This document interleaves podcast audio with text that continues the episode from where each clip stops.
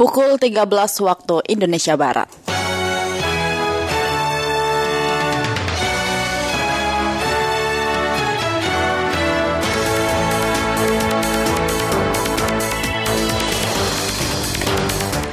Dari Medan Merdeka Barat, Tempat 5 Jakarta, inilah Radio Republik Indonesia dengan Warta Berita.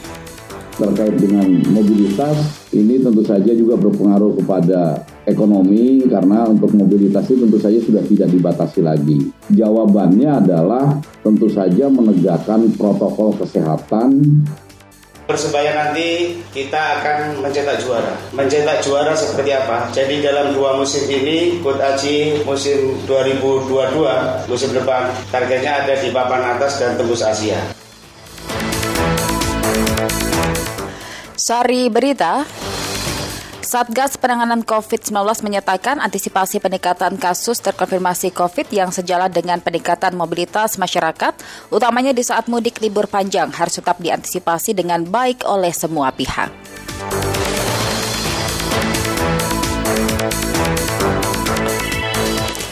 Arab Saudi resmi menetapkan awal Ramadan pada 2 April 2022. Keputusan tersebut diambil usai Mahkamah Agung atau MA. Kerajaan mengumumkan penampakan bulan sabit yang menandai datangnya bulan Ramadan. Persebaya Surabaya pendengar langsung mempersiapkan tim terbaiknya menuju ke kompetisi sepak bola Liga 1 Indonesia musim 2022-2023. Inilah warta berita selengkapnya untuk edisi hari Sabtu tanggal 2 April 2022 ditemani oleh saya Andila Kusuma.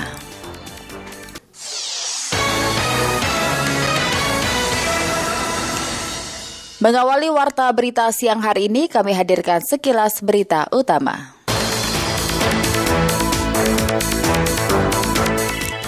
Menteri Koordinator Bidang Pembangunan Manusia dan Kebudayaan Muhajir Effendi bersama dengan Menteri Perhubungan Budi Karya Sumadi memimpin rapat koordinasi persiapan penyelenggaraan angkutan lebaran tahun 2022 yang diselenggarakan di kantor Kementerian Perhubungan Jakarta Jumat kemarin.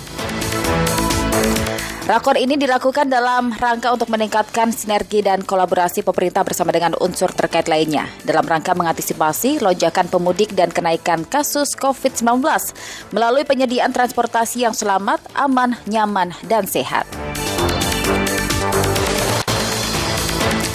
Badan Keagamaan Turki telah mengumumkan umat Islam dapat melaksanakan sholat rawih di Hagia Sophia, Istanbul, Turki. Namun pemerintah tetap menerapkan prinsip kehati-hatian dalam mencermati perkembangan dinamika situasi yang berkembang.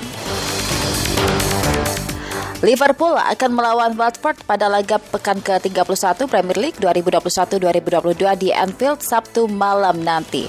Sejatinya jarak antara Liverpool dan Manchester City hanya satu poin. The Reds dipastikan akan berjuang demi meraih puncak klasmen.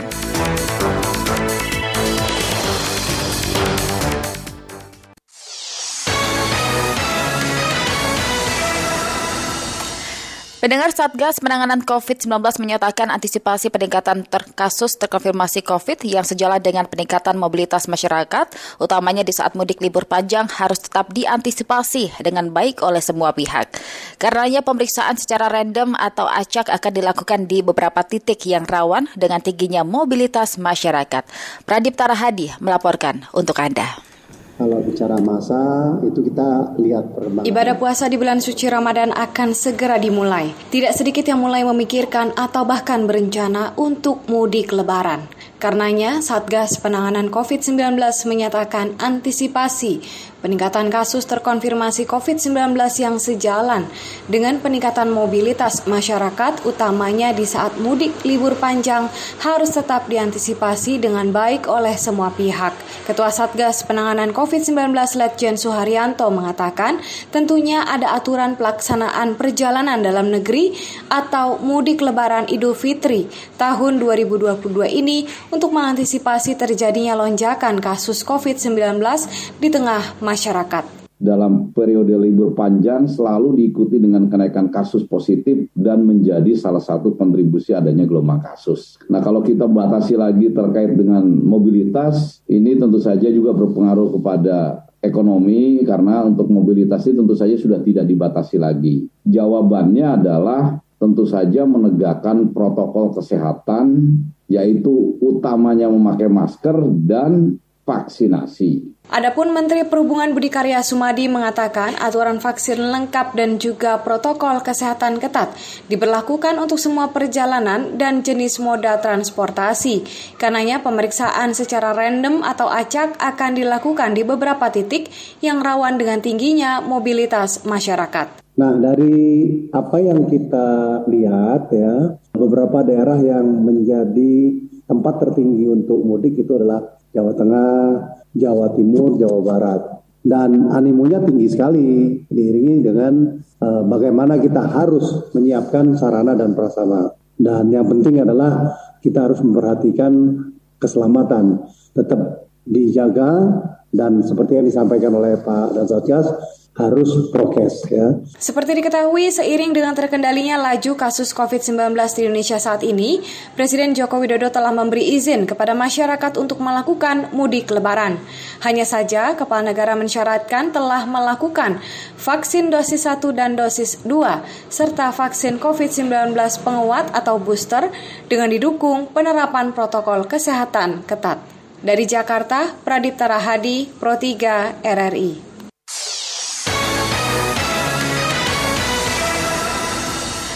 Kementerian Agama menegaskan aktivitas ibadah selama bulan suci Ramadan 1443 Hijriah 2022 Masehi sudah kembali normal, namun tetap menjaga protokol kesehatan yang ada. Selengkapnya mendengar ada atau Raidi melaporkan untuk Anda pemerintah memang telah menggaungkan untuk bulan Ramadan ini tetap berjalan secara normal. Selama bulan suci Ramadan 1443 Hijriah 2022 Masehi, aktivitas ibadah sudah kembali normal meski masih dalam masa pandemi COVID-19.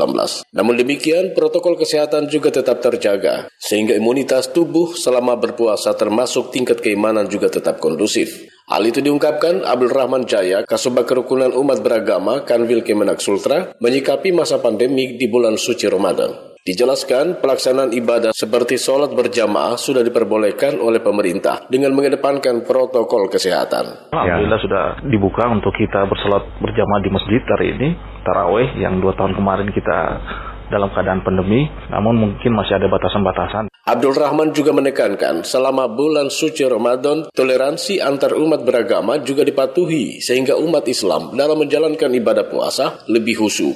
Hal-hal yang mungkin yang bisa mengganggu suasana kehidupan beragama di intern umat beragama ini ya, para to tugas tokoh-tokoh umat beragama bukan saja para pem di tingkat pemerintah, tapi peran-peran dari ulama untuk tetap menjaga hmm. dan dalam berdakwah juga saya kira tidak uh, saling menghujat satu dengan yang lain dan saya kira itu memang uh, tidak dianjurkan oleh agama. Di kesempatan itu Ketua Forum Komunikasi Antar Umat Beragama FKUB Sulawesi Tenggara Hasan Nuri menegaskan Selama bulan Ramadan, pesan-pesan moral dalam beragama juga intens dilakukan sehingga kerukunan antar umat terus terpelihara. Ketika menyampaikan tentang pesan-pesan agama di hadapan halayak ramai, ya jangan absolutismenya yang dikedepankan, tapi ada relativitismenya. Ya akan tertata atau akan tercipta, akan tercipta satu tatanan kehidupan yang harmonis. Di akhir pernyataannya, Ketua FKUB Sultra menaruh harapan selain moderasi beragama, para generasi bangsa juga dibekali dengan wawasan kebangsaan kebangsaan, sehingga kedaulatan negara kesatuan Republik Indonesia tetap kokoh.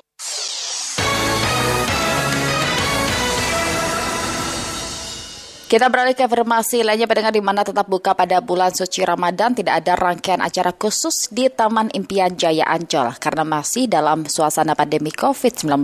Informasi ini selengkapnya akan disampaikan langsung oleh Rian Suryadi langsung dari Taman Impian Jaya Ancol. Kita sapa. Rian, selamat siang. Ya, siang Adel. Ya, bagaimana pantauan Anda di lokasi dan juga informasi terkait Taman Impian Jaya Ancol yang masih tetap buka ini, Rian?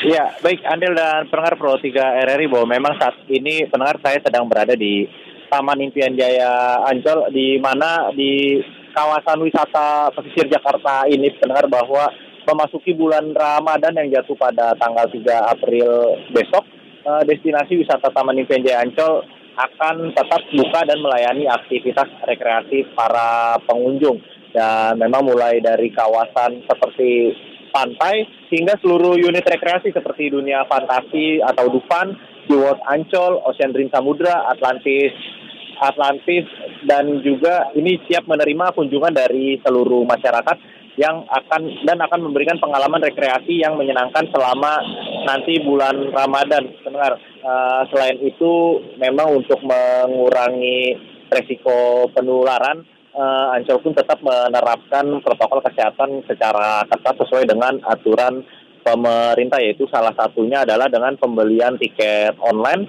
yang hanya bisa dilakukan secara online melalui website dan uh, memang kuota kunjungan ke tempat wisata saat ini juga dan nanti bulan Ramadan masih dibatasi di 75% dari kapasitas maksimal. Oleh karena itu sebaiknya memang pengunjung bisa melakukan pemesanan beberapa hari sebelum kunjungan dan tadi juga pendengar kami sempat mewawancarai corporate communication Taman Impian Jaya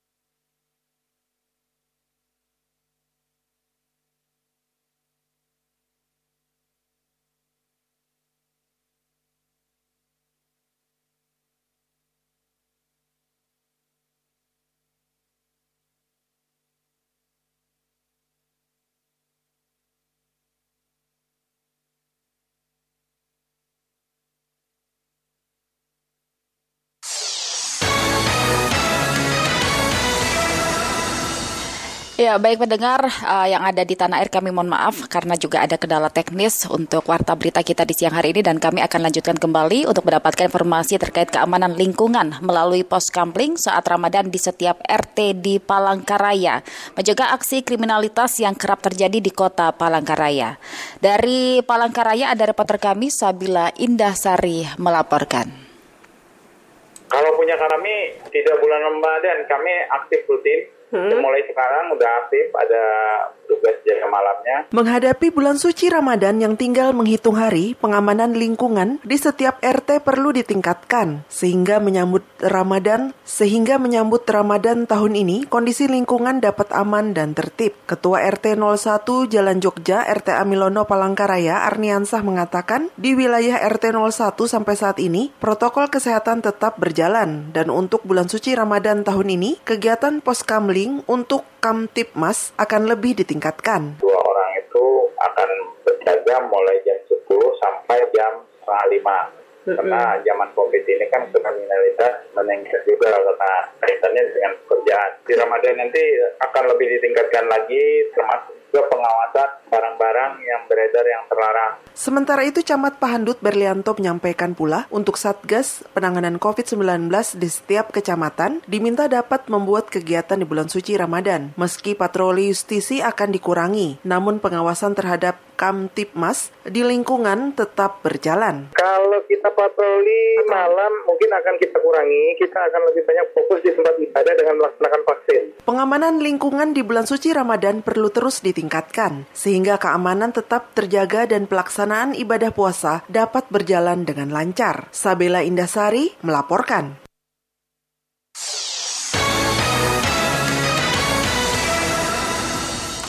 Terima kasih pendengar Anda masih mendengarkan Warta Berita Radio Republik Indonesia. Orang tua diminta proaktif mengawasi tumbuh kembang anak sejak dini. Hal ini penting untuk melakukan screening awal dalam penanganan kasus autis pada anak.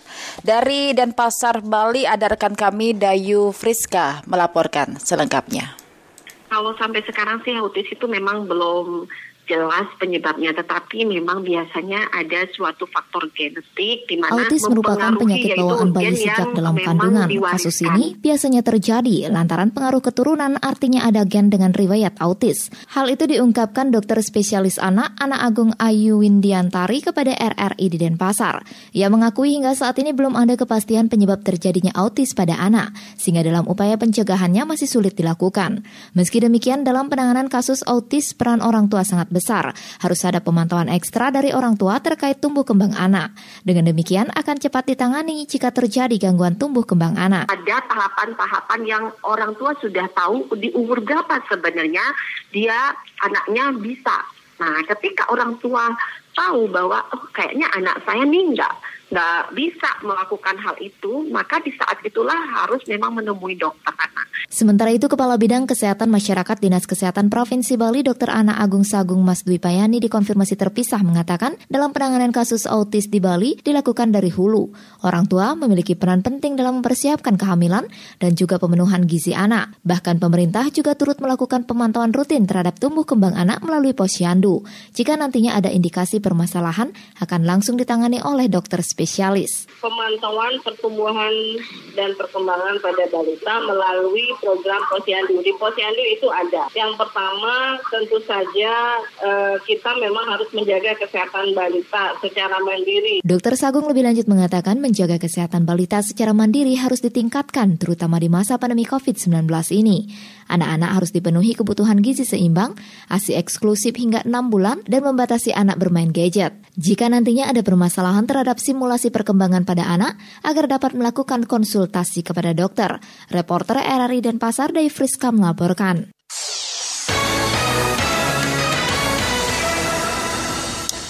Beralih ke informasi dari luar negeri, Arab Saudi resmi menetapkan awal Ramadan pada 2 April 2022. Keputusan tersebut diambil usai Mahkamah Agung atau MA Kerajaan mengumumkan penampakan bulan sabit yang menandai datangnya bulan Ramadan. Menyambut datangnya bulan Ramadan pendengar, Raja Arab Saudi mengucapkan selamat berpuasa kepada seluruh umat Islam di seluruh dunia. Ia mengaku bersyukur pada tahun ini diberi kebahagiaan usai pandemi. Ia menjelaskan bahwa pihak Kerajaan Arab Saudi dan seluruh dunia bersyukur karena bisa melewati pandemi COVID-19 dan bisa mengurangi dampak dari penyakit tersebut. Raja Salman juga menyuarakan kebanggaannya bahwa kerajaan telah melanjutkan kegiatan dengan kapasitas penuh untuk jemaah di dua masjid suci setelah mencabut sebagian besar pembatasan COVID-19.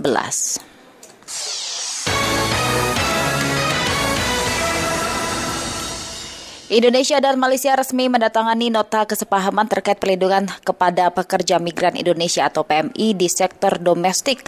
Penandatanganan nota kesepahaman dilakukan oleh Menteri Ketenagakerjaan RI ada Ida Fauziah dan Menteri Sumber Daya Manusia Malaysia Sarafanan Murugan yang turut disaksikan oleh Presiden Joko Widodo dan Perdana Menteri Ismail Sabri Yaakob bertempat di Istana Merdeka, Jakarta.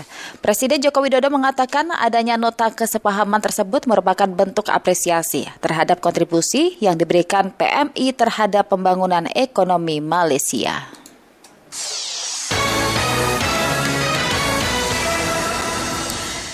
Selanjutnya pendengar adalah kabar dari dunia olahraga yakni Persebaya Surabaya yang langsung mempersiapkan tim terbaiknya menuju ke kompetisi sepak bola Liga 1 Indonesia musim 2022-2023. Seusai tim Bajul Ijo finish di posisi lima besar untuk musim kali ini. Dari Surabaya ada reporter kami Agustin Irdiani melaporkan selengkapnya. Eh, kita juga sudah sepakat terkait dengan target untuk musim depan dan musim depannya lagi seperti apa.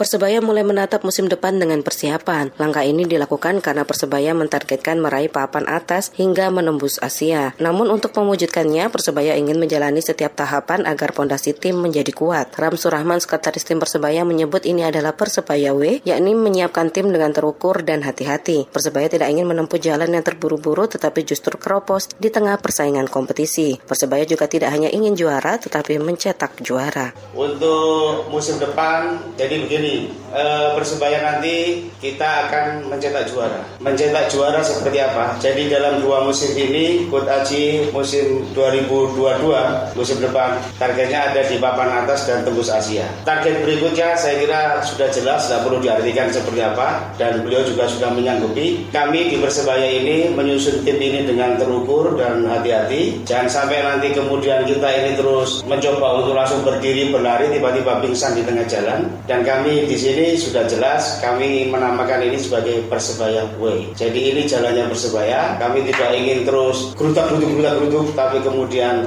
tidak sehat teropos. Pelatih Persebaya Aji Santoso menyanggupi target tersebut. Aji menjelaskan target itu bisa diwujudkan secara bertahap sesuai konsep tim. Ia optimis kebersamaan tim dan manajemen yang sudah baik selama ini bakal membantu terrealisasinya target itu. Step by stepnya dari Persebaya ini memang benar-benar terukur.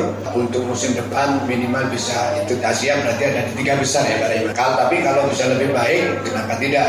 Terus musim berikutnya juga tentunya akan lebih baik. Yang pasti untuk musim musim kedua, musim kedua nanti itu mungkin memang ditargetkan juara, gitu ya Pak ya. Ya sekarang yang mencetak juara itu step by step untuk berikutnya. Nah ini bagi saya tidak mudah tantangan, tetapi insya Allah dengan kebersamaan uh, manajemen dengan tim dengan yang lainnya seperti yang kemarin-kemarin kami lakukan sangat luar biasa. Aji Santoso mengaku tak sabar menyiapkan tim secepatnya, apalagi musim depan diprediksi bakal lebih ketat lagi dengan masuknya tim-tim baru yang tengah berambisi mengukir prestasi di musim depan. Agustin Irdiani melaporkan. Sementara itu kabar dari otomotif yakni jadwal resmi WSBK 2022 sudah resmi dirilis yang menempatkan race di sirkuit Mandalika Internasional menjadi balapan yang ke-11 pada musim 2022 ini. Musim ini pendengar balapan WSBK Mandalika akan diselenggarakan pada tanggal 11 hingga 13 November 2022. Balapan ini digelar satu seri sebelum race pamungkas. Untuk kali ini balapan terakhir WSBK musim ini menyajikan adu cepat WSBK Australia balapan di Philip Island dan akan dilangsungkan sepekan setelah race di Mandalika. Seri pembuka ajang WSBK musim ini akan digelar di sirkuit Motorland, Aragon, Spanyol. Race akan berlangsung pada tanggal 8 hingga 10 April 2022.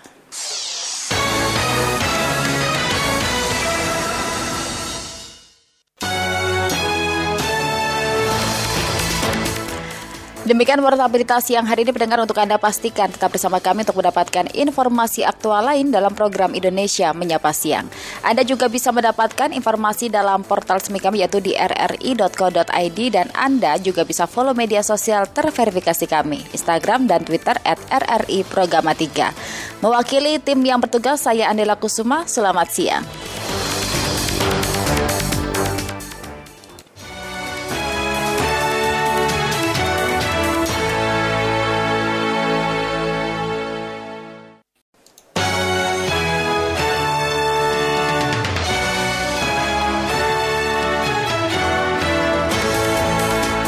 Dari Medan Merdeka Barat 45 Jakarta, inilah Radio Republik Indonesia dengan Warta Berita. Itu peningkatannya kan memang cukup banyak ya, dari 8 ke 19.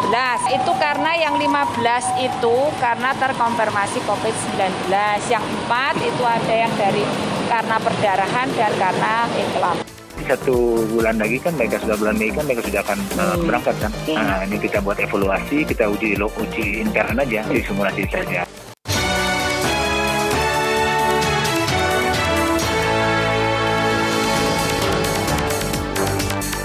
Sari berita, angka kasus kematian ibu hamil di Kabupaten Karanganyar cenderung mengalami peningkatan dalam kurun waktu tiga tahun terakhir ini. Badan Keagamaan Turki telah mengumumkan umat Islam dapat melaksanakan salat tarawih di Hagia Sophia, Istanbul, Turki. Tim nasional karate Indonesia kembali melakoni latihan di Pelatnas pasca mengikuti kejuaraan karate Asia Tenggara.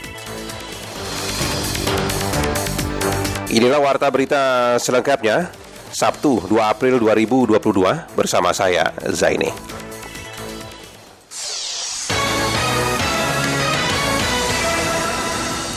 Mengawali warta berita di malam hari ini berikut kami hadirkan sekilas berita di mana Presiden Joko Widodo menyampaikan ucapan selamat berpuasa bagi seluruh umat muslim di tanah air. Selain menyampaikan ucapan selamat berpuasa, Presiden juga menyampaikan permohonan maaf lahir dan batin kepada seluruh masyarakat. Ucapan disampaikan Kepala Negara di Istana Merdeka Jakarta pada Jumat kemarin. Presiden pun menaruh harapan di bulan Ramadan yang penuh dengan berkah dan ampunan ini, seluruh rakyat Indonesia diberi rahmat oleh Allah Subhanahu wa taala dan selalu dalam lindungannya dari segala bentuk penyakit dan juga bencana. Presiden Amerika Serikat Joe Biden mengucapkan selamat Ramadan kepada umat Islam bagi yang merayakan di seluruh dunia.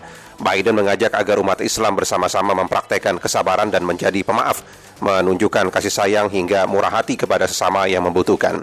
Biden juga mengajak umat Islam untuk menunjukkan solidaritas kepada sesama, terutama kepada yang sedang mengalami penderitaan di dunia.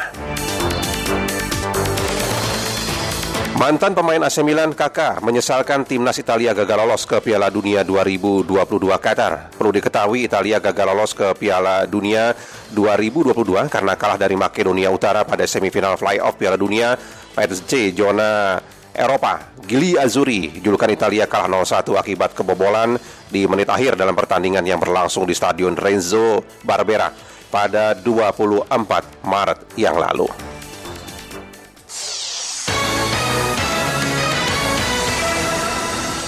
Berikut kami hadirkan informasi pertama di mana angka kasus kematian ibu hamil di Kabupaten Karanganyar cenderung mengalami peningkatan dalam kurun waktu tiga tahun terakhir ini.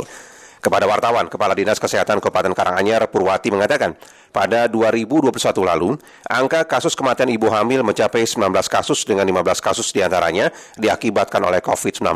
Berikut laporan Arga Dirgantara.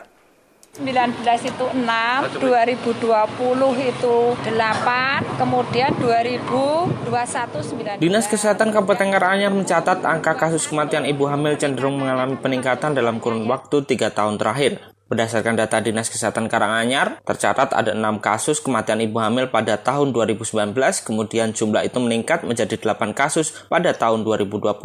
Kepada wartawan, Kepala Dinas Kesehatan Karanganyar Purwati mengatakan peningkatan signifikan angka kasus kematian ibu hamil terjadi di tahun 2021 lalu. Tercatat ada 19 kasus kematian ibu hamil dengan rincian 15 kasus akibat COVID-19 dan 4 kasus akibat pendarahan. Purwati menuturkan Dinas Kesehatan Karanganyar terus berupaya dalam menekan angka kasus kematian ibu hamil di Karanganyar. Di antaranya, Dinas memiliki grup aplikasi pesan singkat yang di dalamnya beranggotakan bidan, koordinator puskesmas, tim ponet rumah sakit, dan dokter obigin. Hal ini sebagai upaya mempercepat penanganan ibu hamil. Itu peningkatannya kan memang cukup banyak ya, dari 8 ke 19. Nah, itu karena yang 15 itu karena terkonfirmasi COVID-19. Yang 4 itu ada yang dari karena perdarahan dan karena uh, iklam. Lebih lanjut, Purwati mengatakan bagi para ibu hamil di Karanganyar diminta untuk rutin melakukan pemeriksaan serta mempelajari buku KIA. Dengan begitu, lanjut Purwati apabila ada permasalahan terkait kehamilan, ibu hamil sudah tahu tindakan yang harus dilakukan serta melaksanakan perencanaan. Sementara itu, Bupati Karanganyar Yuliatmono mengatakan Pemkap Karanganyar juga berupaya untuk selalu membekali para ibu hamil di Karanganyar agar siap menghadapi waktu kelahiran. Hal ini juga sebagai upaya untuk menekan angka kematian ibu hamil. Di samping menyemangati ibu-ibu hamil, ilmu pengetahuan juga dia dapatkan, persiapan saat melahirkan juga disiapkan dengan baik sehingga semuanya akan nyaman. Bupati Karanganyar berharap melalui pembekalan para ibu hamil tidak hanya menekan aki namun juga dapat melahirkan generasi ke depan yang hebat dan berkualitas. RRI Surakarta, Arga Dirgantara melaporkan.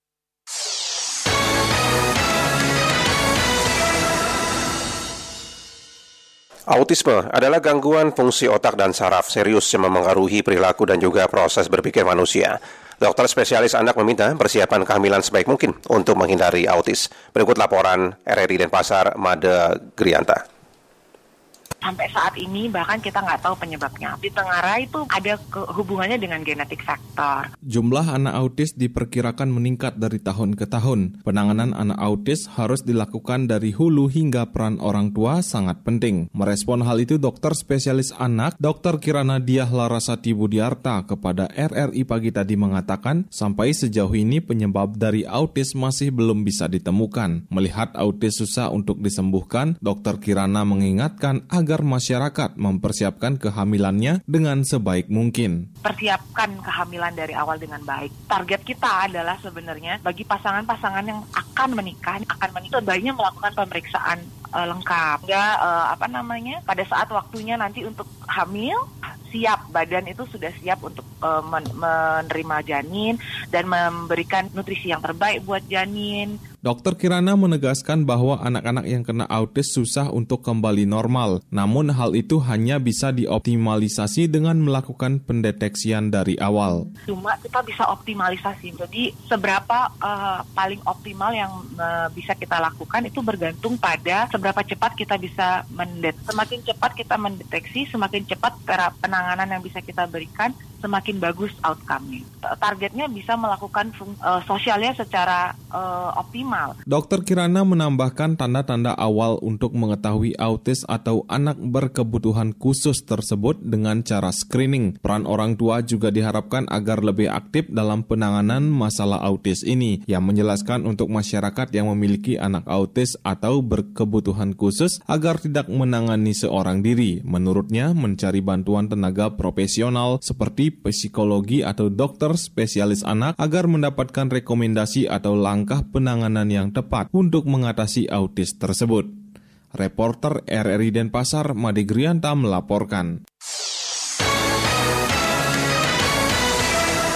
Pemerintah Provinsi DKI Jakarta membatasi tempat hiburan selama bulan Ramadan. Berikut laporan Alfred Tuter yang usaha yang mau dibatasi. Dinas Pariwisata dan Ekonomi Kreatif Disparekraf DKI Jakarta mengeluarkan edaran tentang pembatasan operasional tempat hiburan selama bulan Ramadan. Kepala Seksi Pengawasan dan Pengendalian Disparekraf DKI Jakarta, Ivan, mengatakan pembatasan itu meliputi waktu operasional tempat karaoke yang dimulai pukul 14.00 hingga 21.00 waktu Indonesia Barat, kemudian melarang bar dan pub menjual minuman beralkohol kecuali tempat tersebut menyatu dengan hotel minimal bintang 4. Adalah karaoke yang harus tutup karaoke keluarga, terus restoran yang basisnya pukul 18.00 buka gitu loh, buka. Sementara itu, Wakil Gubernur Jakarta Ahmad Riza Patria memastikan pembatasan tersebut telah dilakukan dari tahun ke tahun, sehingga ia mengajak seluruh pemilik tempat usaha hiburan berkomitmen menghormati masyarakat umat Islam yang tengah menjalani ibadah puasa. Ya, pengaturan hiburan kan sudah diatur seperti biasanya, ya PPKM juga di level 2 DKI Jakarta, ya tentu di bulan suci Ramadan bagi restoran, eh, kafe yang buka tentu harus memberikan uh, komitmen ya uh, menghormati yang berpuasa ya. Adapun bila melanggar tempat-tempat usaha ini bakal diberi sanksi administratif mulai dari teguran hingga pencabutan tanda daftar usaha pariwisata alias menutup tempat usaha secara permanen. Dari Jakarta, Alfred Stuter Pro 3 RRI. Pelaku kuliner mengeluhkan kenaikan tepung. Hal ini secara otomatis mengurangi daya beli konsumen dan juga mempengaruhi penghasilan pedagang. Selengkapnya dilaporkan reporter Edi Suroso dari RRI Palangkaraya. Harga tepung naik yang biasa 10.500 jadi 12. Bawang naik. Itu kan pasti mengeluh lah. Kenaikan sejumlah bahan pokok penting berdampak pada produksi pelaku kuliner di Palangkaraya. Hal ini dirasakan Ana Lilawati, pemilik usaha catering dan olahan kue kering. Ia mengeluhkan adanya kenaikan secara beruntun terhadap bahan pokok yang sangat diperlukan sebagai bahan baku membuat makanan. Sebelumnya minyak goreng yang dicabut subsidinya oleh pemerintah membuat harganya mahal di pasaran. Terbaru komoditi gula sekarang harganya Rp16.000 per kilogram dan tepung yang mengalami kenaikan 2 hingga 5.000 dari harga sebelumnya Rp10.000 per kilogram tepung naik yang biasa 10.500 jadi 12 bawang naik kalau itu kan pasti mengeluh lah. Nggak mungkin nggak soalnya kan e, modal tambah besar. Terus kita mau jual mahal juga kan takutnya pembeli berkurang. Kalau bisa harga-harga distabilkan lagi. Biar masyarakat nih bisa menjangkau keperluan sehari-hari tuh nggak berat. Terus minyak goreng juga kalau bisa eh, nggak usah dicabut-cabut subsidinya pedagang seperti kami ini kan sangat memerlukan minyak goreng. Kalau cuma seliter dua, dua liter kan sih nggak apa-apa. Cuman kalau kita kan pasti lima liter tuh sehari pastilah kalau buat berdagang. Ana menambahkan, dengan kondisi saat ini, jelas membuat pelaku kuliner bingung menerapkan harga dagangan sebab konsumen keberatan kalau dinaikkan. Dampaknya dapat mengurangi penghasilan bila kebutuhan pokok terus-menerus mengalami kenaikan. Ia berharap pemerintah daerah melalui dinas terkait dapat menstabilkan harga kebutuhan pokok masyarakat. Karena untuk memenuhi kebutuhan sehari-hari, pelaku kuliner sangat kesulitan diperparah dengan sepinya konsumen akibat adanya penyesuaian harga. Sementara itu menyikapi gejolak harga, Kepala Bidang Perdagangan di Kop Palangkaraya Hadriansah membenarkan sejumlah bahan pokok mulai merangkak naik yang paling dirasakan masyarakat adalah minyak goreng kemasan. Semua toko dan market modern harganya mencapai 25.000 satu liternya. Terbaru bahan pokok yang juga naik adalah tepung. Saat ini harganya mencapai 12 hingga 15.000 dari sebelumnya cuma 10.000 rupiah per kilo. Kita sudah berkoordinasi juga dengan kawan-kawan distributor. Rencana kita mau operasi pasar dalam waktu dekat ini, satu dua hari ke depan lah. Jangan membelinya terlalu berlebihan segala itu. Hal-hal seperti itu kita kan tetap melakukan pengawasan, jadi tidak perlu menimbun lah. Kita sudah berkoordinasi juga dengan kawan-kawan distributor. Rencana kita mau operasi pasar dalam waktu dekat ini satu dua hari ke depan lah. Adapun upaya yang dilakukan, pihaknya sudah berkoordinasi dengan distributor pemasok minyak goreng dan tepung agar memastikan suplai barang ke pasar lancar, tidak adanya praktek penimbunan. Dan pada pertengahan Ramadan, rencananya Disperindak kembali menggelar operasi pasar murah sembako yang telah disubsidi pemerintah. Juga dihimbau kepada masyarakat dapat berbelanja sesuai kebutuhan, tidak melakukan aksi borong yang dampaknya membuat kekosongan stok barang. Edi Suroso melaporkan.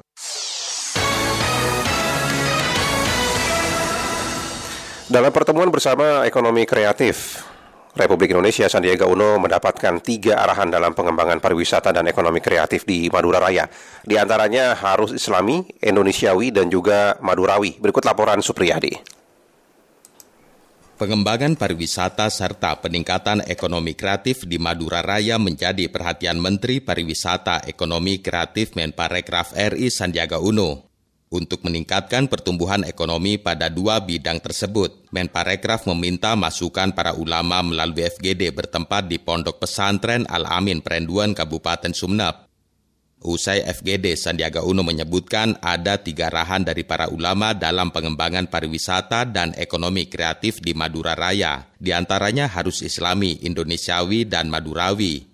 Untuk mewujudkan masukan itu, pihaknya akan melakukan rancangan sebagai tatanan ekonomi baru pasca pandemi. Tidak hanya itu, pihaknya bakal berkolaborasi dengan pemerintah daerah guna menciptakan program tepat sasaran, sebab upaya membangkitkan ekonomi perlu dilakukan bersama-sama. Alhamdulillah kami baru menyelesaikan FGD mendengarkan masukan dari para kiai, para ulama tentang pengembangan pariwisata dan ekonomi kreatif ke depan di Madura dan Madura Raya ini kita diberikan tiga arahan. Pertama adalah pariwisata ekonomi kreatif yang islami, yang Indonesiawi dan Madurawi. Dan beberapa masukan tadi kami akan rancang sebagai tatanan ekonomi baru pasca pandemi untuk membangkitkan ekonomi dan membuka peluang usaha dan lapangan kerja. Bupati Kabupaten Sumnep Ahmad Fauzi dalam sambutannya mengatakan pengembangan pariwisata menjadi salah satu visi misi yang terus digalakkan. Tujuannya agar tercipta pertumbuhan ekonomi masyarakat. Selain itu, agar ada kesinambungan dengan kultur keagamaan, Ahmad Fauzi mengaku sebelumnya telah melakukan pertemuan dengan Badan Silaturahmi Ulama Madura Basna berkenaan dengan pengembangan pariwisata. Pertemuan itu tentu untuk meminta masukan dan arahan apa yang menjadi tindak lanjut pada hari ini maka para koordinator Basrah mengundang Pak Menteri Pariwisata Ekonomi Kreatif khususnya dalam rangka tindak lanjut bagaimana ke depan agar Madura khususnya pariwisata yang ada di Pulau Madura ini bisa berkembang tentunya tetap memperhatikan hal-hal yang berkaitan dengan kearifan lokal. Usai menggelar FGD dengan para ulama, Menparekraf RI Sandiaga Uno bertolak ke Kabupaten Pamekasan untuk menghadiri Fashion Week. Sebelumnya, Menteri Sandiaga Uno juga menghadiri dan membuka Festival 1001 Menu Bebek di Kabupaten Bangkalan. Gubernur Jawa Timur Hovifa Indar Parawansa merevitalisasi jembatan Ngaglik 1 Lamongan yang amblas pada Selasa yang lalu. Aneka Sana menyampaikan laporan selengkapnya. Gubernur Jawa Timur Khofifa Indar Parawansa sigap dan gerak cepat memantau revitalisasi jembatan Ngaglik, Lamongan, yang ambles pada Selasa 29 Maret lalu. Ia secara khusus ingin memastikan bahwa langkah-langkah teknis telah dilakukan dengan cermat dan tepat, guna percepatan revitalisasi jembatan yang menghubungkan antar kabupaten, jalur poros Pantura, Tuban, Lamongan, Gresik, dan Surabaya tersebut. Khofifa menegaskan pihaknya akan menggenjot upaya perbaikan dan memastikan percepatan revitalisasi jembatan Ngaglik agar semuanya rampung pada Hamin 10 Lebaran. Insya Allah Hamin 10 sebelum Lebaran sudah siap untuk bisa digunakan kembali. Saya rasa percepatan-percepatan yang sedang dilakukan, mohon doanya kita semua mudah-mudahan lancar dan bisa memberikan layanan kembali sebaik mungkin untuk seluruh masyarakat. Sementara itu, Kepala BBPJN Jawa Timur Bali Kementerian PUPR Ahmad Subiki mengungkapkan, berdasarkan identifikasi kerusakan terjadi patah pada lima girder. Ia memastikan pengerjaan dilakukan secepatnya agar bisa segera difungsikan. Pemasangan girder itu sebetulnya kalau sudah selesai settingnya, itu cukup dua hari selesai. Coba proses setting itu kan perlu membutuhkan waktu beberapa lama karena namanya umur beton itu tidak bisa ditawar itu ya kalau misalnya dia perlu umur beton yang mencukupi lima hari tidak bisa dikurangi jadi empat hari begitu ya itu jadi bisa patah gitu ya. Sebagaimana diketahui, kronologi amblesnya jembatan Ngaglik, yaitu pada hari Selasa tanggal 29 Maret 2022 pada pukul 2 siang. Jembatan ambles pada bagian segmen tengah, dikarenakan adanya truk gandeng yang melintas dengan muatan berlebih pada ruas jembatan Ngaglik. Tidak ada korban jiwa dalam kejadian tersebut, di mana kerugian atau kerusakan dari peristiwa tersebut adalah kerusakan pada segmen tengah jembatan sepanjang kurang lebih 10 meter pada sisi bagian tengah jalan. Dari Surabaya, Ani Hasana melaporkan. Kita beralih ke informasi dari luar negeri, di mana Badan Keagamaan Turki telah mengumumkan umat Islam dapat melaksanakan salat tarawih di Hagia Sophia, Istanbul, Turki. Izin salat ini menjadi yang pertama setelah 88 tahun dengan jadwal salat di Hagia Sophia baru ini bisa dilaksanakan setiap Jumat, Sabtu, dan Minggu selama bulan Ramadan. Pemerintah Turki telah mengembalikan Hagia Sophia menjadi masjid lagi pada Juni 2020. Arab Saudi resmi menetapkan awal Ramadan juga pada 2 April 2022. Keputusan tersebut diambil usai Mahkamah Agung Kerajaan mengumumkan juga penambahan bulan sabit yang menandai datangnya bulan Ramadan. Berbagai pelanggaran protokol kesehatan anti Pandemi COVID-19 di Cina marak terjadi dalam sebulan terakhir ini. Bahkan seorang petugas menjadi korban amukan warga. Seorang pria bernama Wen diganjar hukuman penjara selama 9 bulan karena menikam seorang petugas yang mengatur antrian tes massal PCR dan merusak berbagai fasilitas di Provinsi Liaoning. Kejadian itu merupakan kasus kriminal prokes pertama pada tahun ini di China. Dikutip antara tulis laman berita ini, dilaporkan juga bahwa hal ini dipantau oleh pemerintah Beijing.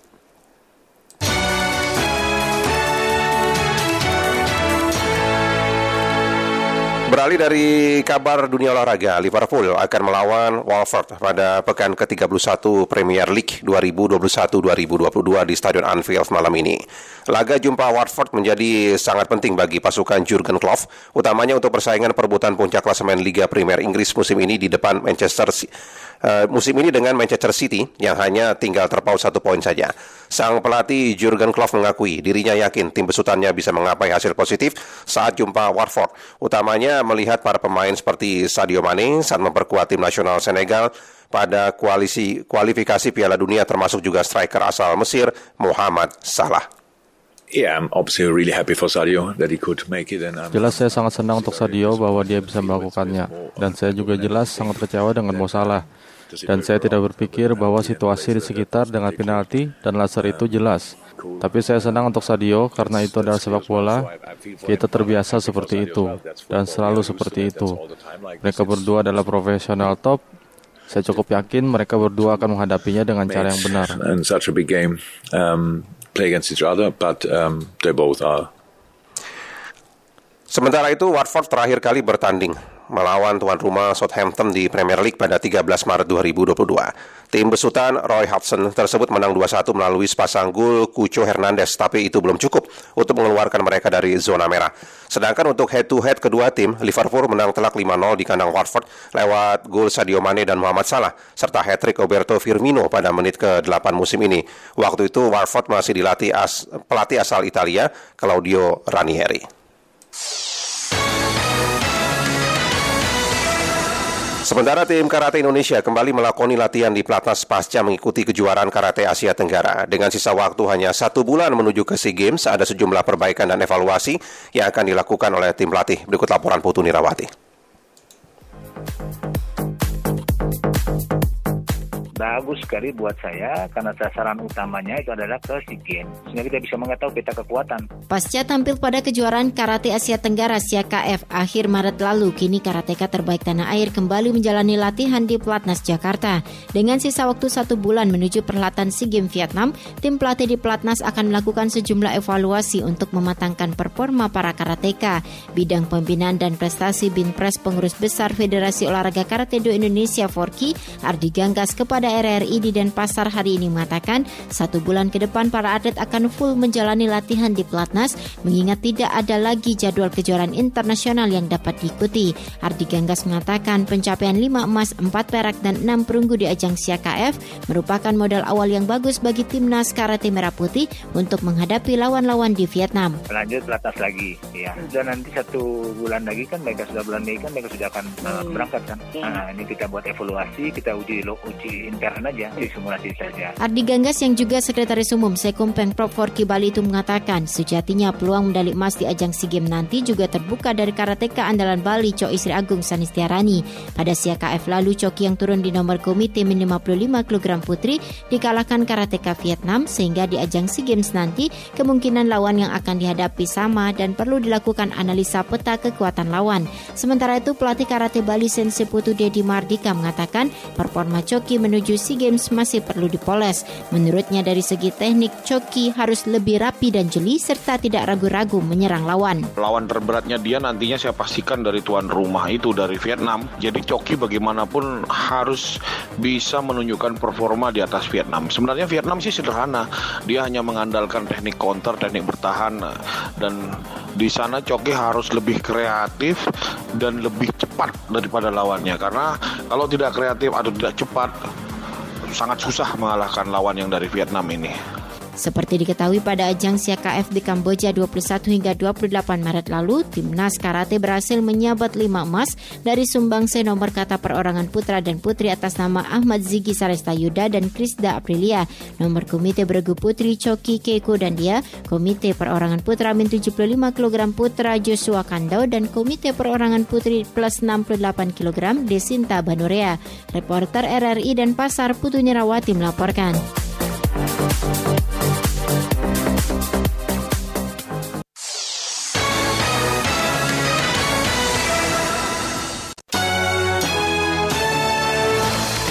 Selepas ini kami akan menghadirkan kembali Indonesia Menyapa Malam. Dapatkan juga beragam informasi aktual dari portal resmi kami di www.rri.co.id serta ikuti media sosial terverifikasi kami di Instagram dan juga Twitter at RRI Programa 3. Saya Zaini.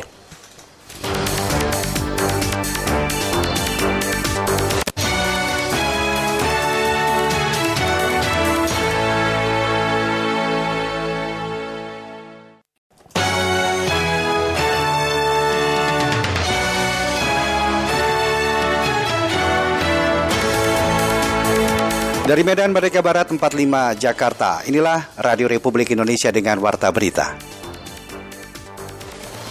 Secara mufakat bahwa satu Ramadan tahun 1443 Hijriah jatuh pada hari Akad 3 April 2022 Masehi. Mudah-mudahan dengan hasil sidang isbat ini seluruh umat Islam di Indonesia dapat menjalankan ibadah puasa secara bersama-sama.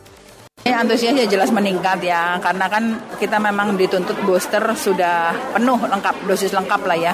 Ini juga kita ada pemanggilan karena ada vaksinnya juga cukup lengkap, jadi banyak peminatnya.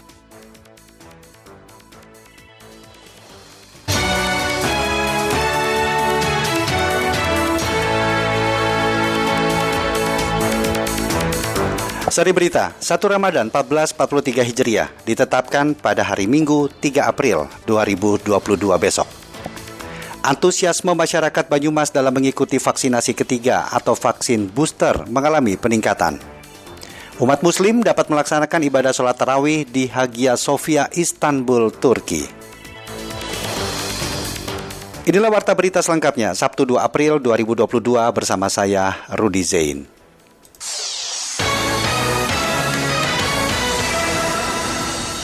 Pendengar mengawali warta berita pagi hari ini, kami sampaikan sekilas berita utama.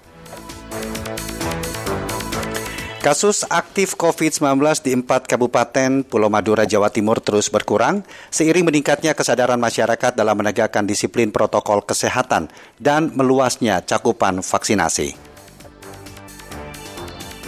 Ketua Umum Majelis Ulama Indonesia MUI Banten, Kiai Haji TB Hamdi Ma'ani, meminta pemerintah daerah memfasilitasi kelengkapan protokol kesehatan seperti masker, kemudian cairan pembersih tangan di masjid-masjid demi membantu jamaah saat beribadah di masjid dalam bulan Ramadan. Produk makanan halal Indonesia masuk peringkat dua dunia berdasarkan laporan State of the Global Islamic Economy atau SGIE tahun 2022 yang dirilis Dinar Standar pada akhir Maret 2022.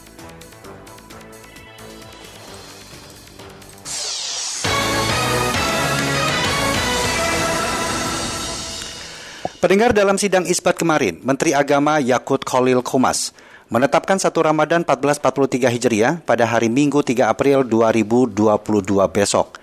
Menanggapi penetapan tersebut, Ketua Majelis Ulama Indonesia atau MUI Abdullah Jaidi mengucapkan selamat menjalankan ibadah puasa bagi umat muslim meskipun terdapat perbedaan dalam penetapan satu Ramadan. Rizky Supermanah menyampaikan informasi selengkapnya.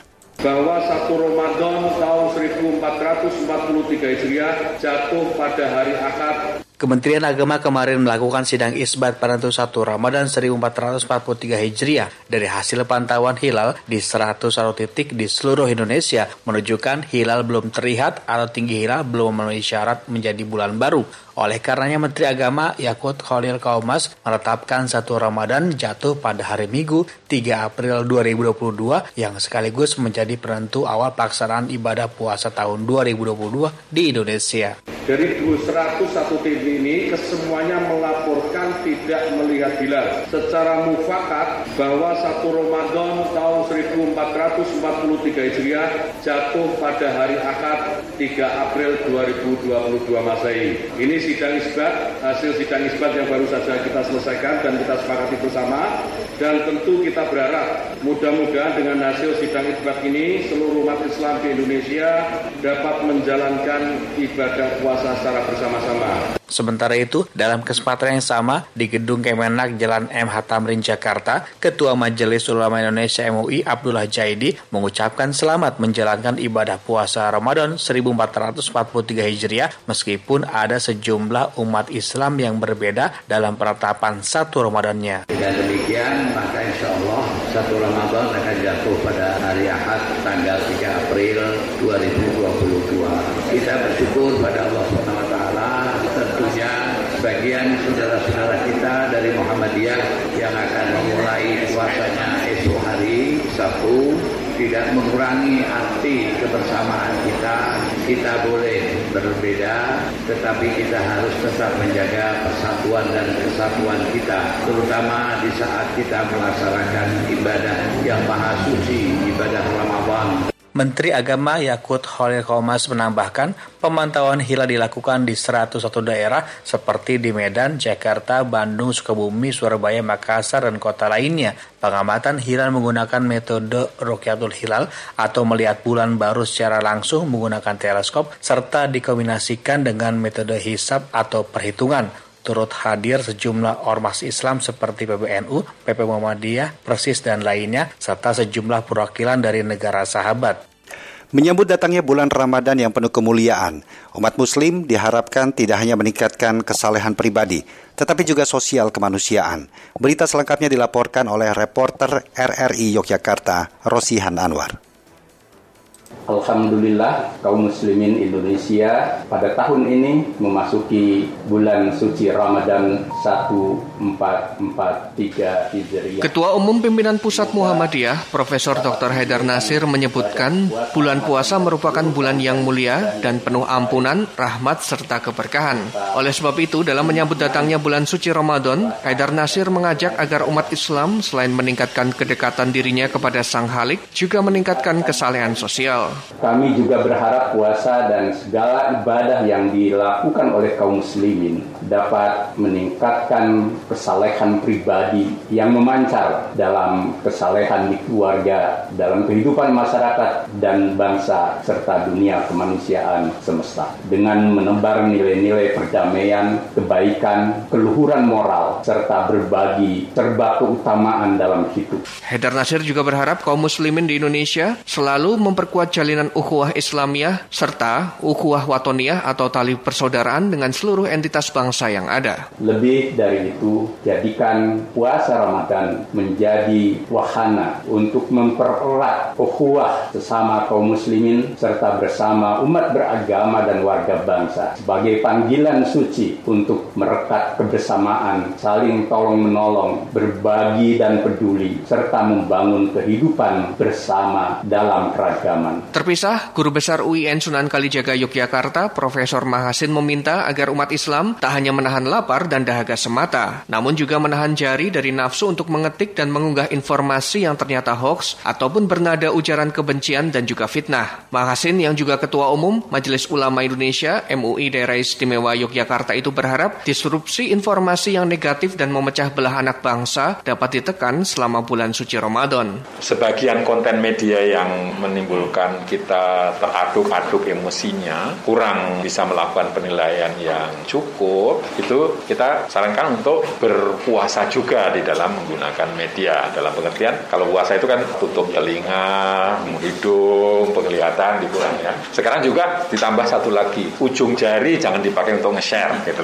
Nge-share nge-share itu jangan di-share kecuali yang kita yakin itu akan membawa manfaat. Kalau kita tidak yakin jangan di-share. Apalagi kalau kita yakin akan menimbulkan kegaduhan, tidak usah di-share. Muhammadiyah sendiri telah memastikan satu Ramadan tahun ini jatuh pada 2 April 2022. Sedangkan pemerintah lewat forum sidang isbat Kementerian Agama yang berlangsung Jumat sore mengumumkan satu Ramadan akan dimulai pada Minggu 3 April besok. Sejak adanya kebijakan aturan mudik lebaran harus sudah menerima vaksin penguat atau vaksin booster. Antusiasme masyarakat Banyumas untuk mengikuti vaksin booster mengalami peningkatan. Kami hadirkan laporan Robin Abdul Rahman berikut ini. Saya punya itu jadwal itu. Sejak adanya kebijakan aturan mudik lebaran 1443 Hijriah harus sudah divaksin booster antusiasme masyarakat Banyumas untuk mengikuti vaksin ketiga atau booster ini terus meningkat. Seperti di gerai vaksin yang diselenggarakan oleh Badan Intelijen Negara Daerah Binda Jawa Tengah yang berlangsung di Pendopo Kecamatan Purwokerto Selatan Kabupaten Banyumas di gerai vaksin Binda Jawa Tengah ini, rata-rata masyarakat yang ditemui oleh RRI mengaku mencari vaksin booster untuk bisa melakukan perjalanan keluar kota atau mudik. Seperti diungkapkan oleh warga Kelurahan Karangpucung, Kecamatan Kecamatan Purwokerto Selatan, Nur Hendra. Dirinya sengaja mencari vaksinasi booster untuk bisa mudik ke Yogyakarta sekaligus mengantar anaknya sekolah. Untuk itu dirinya mengucapkan terima kasih kepada Binda Jawa Tengah yang telah memfasilitasi vaksinasi booster. Yang jelas persiapan anak untuk ini kuliah karena di luar kota makanya saya persiapkan untuk booster ini. Terakhir kalau nggak salah di Oktober September lah. Yang jelas sih membantu jadi nggak usah ke mana-mana. Waktu itu saya yang pas ada di Polres nggak kebagian pembagian kuota. Sementara itu Kepala Puskesmas Purwokerto Selatan, Dr. Meta Saraswati, yang merupakan dokter dalam kegiatan vaksinasi booster oleh Binda Jawa Tengah, menjelaskan sejak ada aturan warga yang akan melakukan perjalanan keluar kota harus divaksin booster, terjadi peningkatan masyarakat yang mendaftar untuk divaksin. Rata-rata setiap penyelenggara vaksinasi booster diikuti 80 orang sebelum adanya aturan untuk mudik. Namun saat pemerintah menyebut adanya aturan untuk mudik adalah sudah di booster, antusiasme masyarakat mencapai hingga 300 orang setiap harinya. Seperti yang berlangsung pada hari Jumat yang merupakan kerjasama antara Binda Jawa Tengah dengan Puskesmas Purwokerto Selatan. Terbanyak masyarakat yang meminta divaksin booster mencapai 70 persen. Antusiasnya jelas meningkat ya, karena kan kita memang dituntut booster sudah penuh lengkap, dosis lengkap lah ya. Ini juga kita ada pemanggilan karena ada vaksinnya juga cukup lengkap, jadi banyak peminatnya. Kenaikan warga yang melakukan vaksinasi booster juga terlihat di gerai vaksinasi yang diselenggarakan oleh Polresta Banyumas yang berlokasi di alun-alun Purwokerto. Terjadi peningkatan warga yang melakukan booster dari 110 setiap harinya, kini menjadi 320 orang setiap harinya. Pemerintah Kota Surakarta, Jawa Tengah tidak akan menolak pemudik sekalipun belum divaksin ketiga atau vaksin booster. Sebagai antisipasi potensi paparan COVID-19 dari masyarakat luar daerah, pemerintah Kota Solo tetap menyiagakan pusat-pusat vaksinasi. Mulato Isaan menyampaikan informasi untuk Anda. Ya, ketentuan mudik kan dari pusat. Ketentuan mudik kita Sekalipun vaksin COVID-19 booster menjadi syarat bagi pemudik, Pemkot Surakarta menegaskan tidak akan menolak kedatangan pemudik yang belum mendapatkan vaksin dosis ketiga atau booster. Sebaliknya, pemudik akan diarahkan ke sentra vaksinasi Grawisata Niaga untuk mendapatkan suntikan vaksin dosis pelengkap. Dijumpai di ruang kerjanya, Ketua Pelaksana Satgas COVID-19 Surakarta Ahyani mengatakan ketentuan mudik mengikuti pemerintah pusat, termasuk syaratnya harus menerima vaksin booster. Tetapi Pemkot Surakarta tidak akan membatasi pemudik ke kota Solo, sekalipun belum vaksin karena tidak mungkin akan memantau satu persatu. Yang terpenting menurut pria yang juga sekretaris daerah Sekda Surakarta itu, protokol kesehatan utamanya memakai masker terus dipatuhi. Pemkot Surakarta akan menyiapkan sentra vaksinasi di Grawisata Niaga untuk seluruh KTP di Indonesia. Mengikuti kementerian pusat aja. Pusat kan harus ya mereka kan yang harus voter nah itu kontrolnya dari mana? Kontrolnya dari mana kan hanya dari peduli lindungi faktanya mereka datang sendiri ke sini dan entah divaksin atau belum kita melacaknya seperti apa ya ketahuannya ya kalau pas ada tracing kan. Iya ya, ini siapkan di hmm. anu kan di kita punya sentra vaksinasi hmm. untuk KTP seluruh Indonesia. Sementara itu wali kota Gibran Raka Buming Raka menargetkan capaian vaksinasi booster di Solo menjelang lebaran bisa berkisar 70 persen. Saat ini capaian vaksinasi booster masih berkisar di antara 37 persen. Selain di Grawisata Niaga layanan vaksinasi juga diberikan di puskesmas rumah sakit bus vaksinasi keliling Gibran meyakini tradisi mudik ini akan menggeliatkan ekonomi. Indikator arah perbaikannya udah kelihatan. Apalagi dibolehkan mudik ini pasti pertumbuhan ekonominya makin menggeliat. Tenang aja, apalagi event-event kan terselenggara, apa, terselenggara terus di kota Solo. Tapi kan angka kasus aktifnya terus menurun nih. Nanti kita kejar terus ya harus ada jeda. Sedangkan Wakil Wali Kota Teguh Prakoso juga mengatakan Pemkot akan berkoordinasi dengan pengelola lokasi kedatangan pemudik seperti terminal dan juga stasiun agar disiapkan untuk vaksinasi. Sekalipun booster menjadi syarat mudik dan selaras dengan upaya percepatan vaksinasi COVID-19 yang diupayakan Pemkot, namun pemudik tidak boleh ditolak. Terima kasih Anda masih mendengarkan Warta Berita Produksi Radio Republik Indonesia. Presiden Joko Widodo menekankan komitmen seluruh pihak dalam menerapkan isi nota kesepahaman perlindungan pekerja migran Indonesia atau PMI di sektor domestik yang telah ditandatangani bersama dengan pemerintah Malaysia. Sementara itu, Perdana Menteri Malaysia Ismail Sabri Yaakob memastikan Malaysia menjamin berbagai inisiatif dalam nota kesepahaman yang memakan waktu hingga enam tahun dalam proses negosiasinya. Dan pendengar, informasi tersebut kami hadirkan dalam sesi laporan khusus yang disampaikan oleh Retno Mandasari.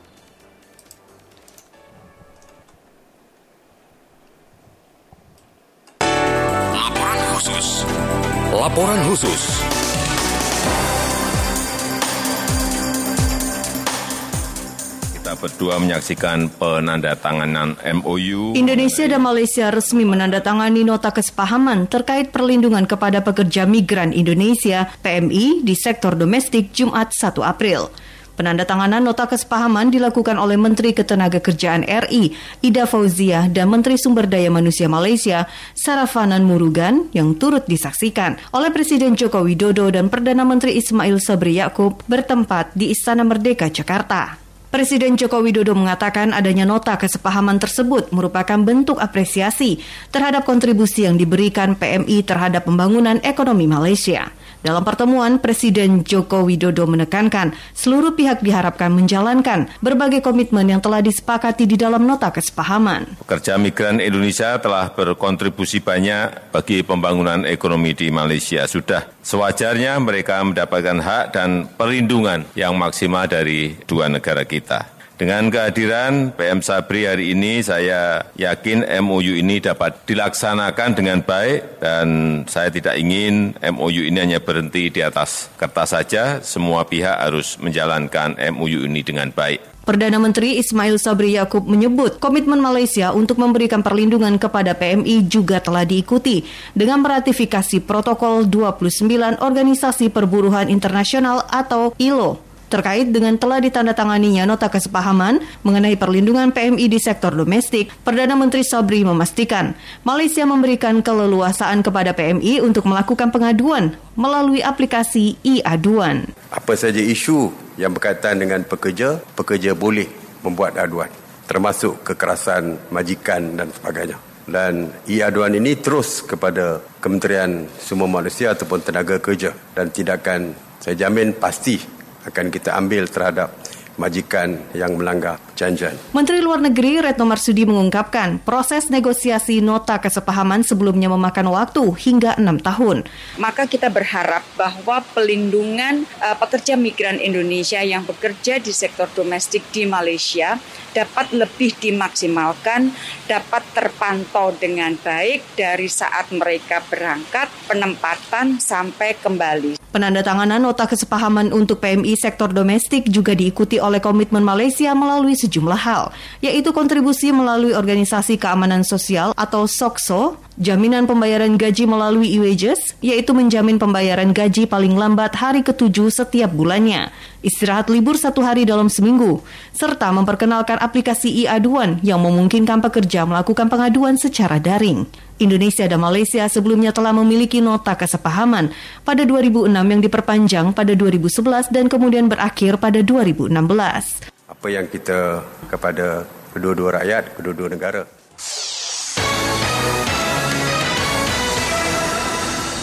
Selanjutnya kami sampaikan komentar Pro 3 dengan judul Angin Sejuk MOU bagi pekerja migran Indonesia bersama editor senior Besti Simatupang.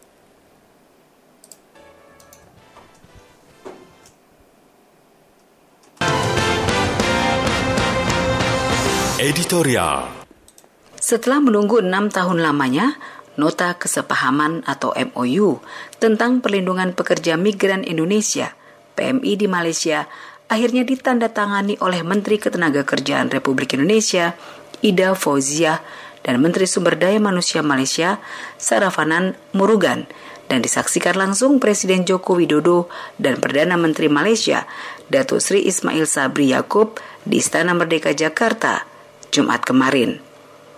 Kedua negara tentunya menganggap peristiwa yang sudah ditunggu dengan tahapan proses panjang ini yang di dalam nota kesepahaman itu mengatur pemberlakuan sistem kanal tunggal atau one channel system untuk seluruh proses penempatan pemantauan dan kepulangan PMI sektor domestik di Malaysia dapat menjembatani permasalahan yang kerap terjadi di antara kedua negara. Pertanyaannya, mengapa MOU ini sangat penting bagi kedua negara? Dan akankah MOU tersebut dapat memberikan manfaat perlindungan terhadap pekerja migran Indonesia yang bekerja di sektor domestik di Malaysia lebih maksimal, mengingat tidak sedikit laporan aduan yang masuk ke Indonesia tentang berbagai kasus menyangkut PMI kita dan bagaimana juga dengan sektor lain seperti sektor konstruksi, jasa, perladangan, dan sebagainya.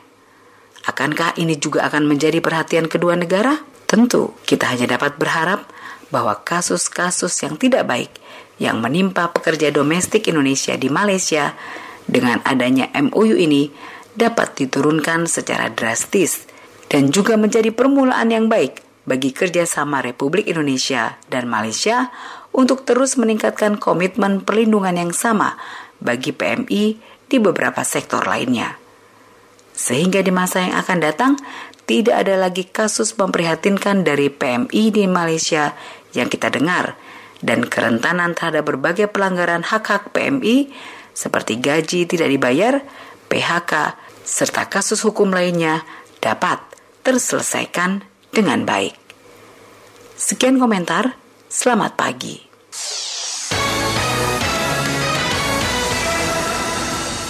Berita luar negeri, Kementerian Pariwisata dan Ekonomi Kreatif Republik Indonesia akan menampilkan batik tulis khas Kabupaten Pamekasan pada perhelatan G20. Kami hadirkan hasil liputan reporter kami Purnama Iswantoro berikut ini. Dan akan kita dorong untuk bisa tampil di bukan hanya di kanal media sosial kita tapi juga dalam perhelatan G20. Menteri Pariwisata dan Ekonomi Kreatif Republik Indonesia Sandiaga Salahuddin Uno menyatakan siap membantu pemasaran batik tulis Pamekasan. Hal itu disampaikannya saat menghadiri Pamekasan Fashion Weekend di Pendopo Ronggo Sukawati. Saya uh, akan bantu pemasarannya melalui platform yang ada di Kemenparekraf, terutama yang own media. Ini nanti akan kita kemas kontennya dan akan kita dorong untuk bisa tampil di bukan hanya di kanal media sosial kita tapi juga dalam perhelatan G20. Sementara itu Bupati Pamekasan Badrut Tama menyampaikan kolaborasi ini adalah salah satu cara agar batik tulis Pamekasan semakin diminati banyak orang. Ya, iya, iya, iya, iya, iya, alhamdulillah nanti akan kita juga promosikan. Sudah tadi ada pembicaraan, setelah ini ada follow up tidak lanjut yang mesti akan membuat kita semua para pengrajin batik akan happy dan Pamekasan bahagia. Dia menambahkan, PMK Pamekasan akan bekerjasama dengan Kemenparekraf untuk mendorong batik tulis Pamekasan agar tidak hanya dikenal oleh masyarakat Indonesia, tetapi bisa mendunia. Badan Keagamaan Turki mengumumkan jika umat muslim dapat melaksanakan sholat tarawih di Hagia Sophia, Istanbul, Turki. Izin sholat di Hagia Sophia ini menjadi kali pertama setelah 88 tahun. Dengan jadwal sholat baru bisa dilaksanakan setiap hari Jumat, Sabtu, dan hari Minggu selama bulan Ramadan.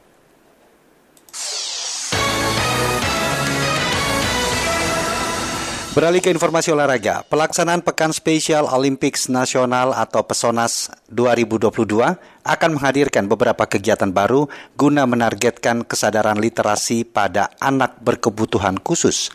Kita hadirkan laporan Niar Abdul Litiloli namanya diganti dari dulu uh, Pornas pekan nasional dan pekan spesial Olimpik nasional. Jelang pelaksanaan pekan spesial Olimpik nasional Pesonas 2022, berbagai persiapan terus dimatangkan oleh pengurus pusat Special Olympic Indonesia PP Soina karena pada gelaran kali ini terdapat sejumlah kegiatan baru. Ketua Panitia Pesonas 2022 Oni Suharsono dalam keterangannya kepada RRI membenarkan hal tersebut. Menurut Oni, alasan penyelenggaraan kegiatan baru ini adalah untuk membangun kesadaran literasi masyarakat terhadap anak dengan kebutuhan khusus atau disabilitas intelektual. Salah satu kegiatan yang berbeda dengan Pornas sebelumnya itu saat ini kita melakukan apa yang disebut dengan kirap obor. Jadi mungkin tadi sudah disampaikan oleh Pak Warsito bahwa tujuan Pesonas ini bukan semata-mata untuk berkompetisi, tetapi sebenarnya lebih kepada untuk mengenalkan anak-anak bertalenta khusus ini, membangun literasi di masyarakat mengenai keberadaan mereka dan membangun kesetaraan. Oleh karena itu, upaya itu kami lakukan antara lain dengan melakukan kirap obor yang dimulai dari gerobok kemudian ke Jawa Timur, saat ini ada di Magelang. Itu adalah upaya untuk mengenalkan kehadiran anak-anak bertalenta khusus ini di masyarakat kita. Sementara itu, melalui kesempatan yang sama, Ketua Umum PP Soina Warsito Elwen menjelaskan, Pesonas diadakan untuk mencetak bintang dari anak difabel intelektual atau anak bertalenta khusus. Namun sesuai dengan kondisi mereka, pada acara Pesonas nanti anak bertalenta khusus tersebut harus merasa aman dan nyaman. Dalam masyarakat kita, biasanya yang dihargai adalah intelektual. Jadi yang di, bisa diuangkan itu intelektual. Kalau pinter pasti dapat kerjaan, punya ini pinter pasti prestasinya bagus.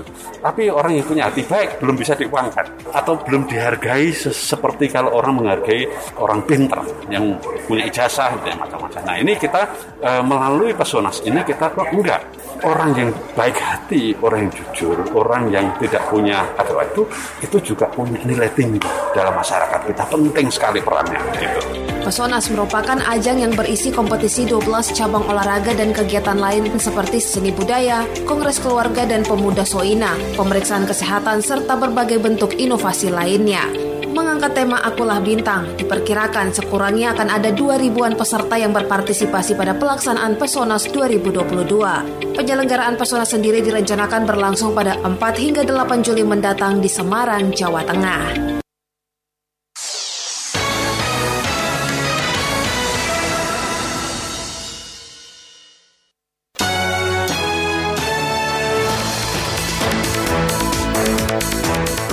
Demikian Warta Berita Pro 3 Radio Republik Indonesia. Kami harap Anda tetap bersama kami untuk menyimak informasi aktual lainnya dalam program Indonesia Menyapa Pagi.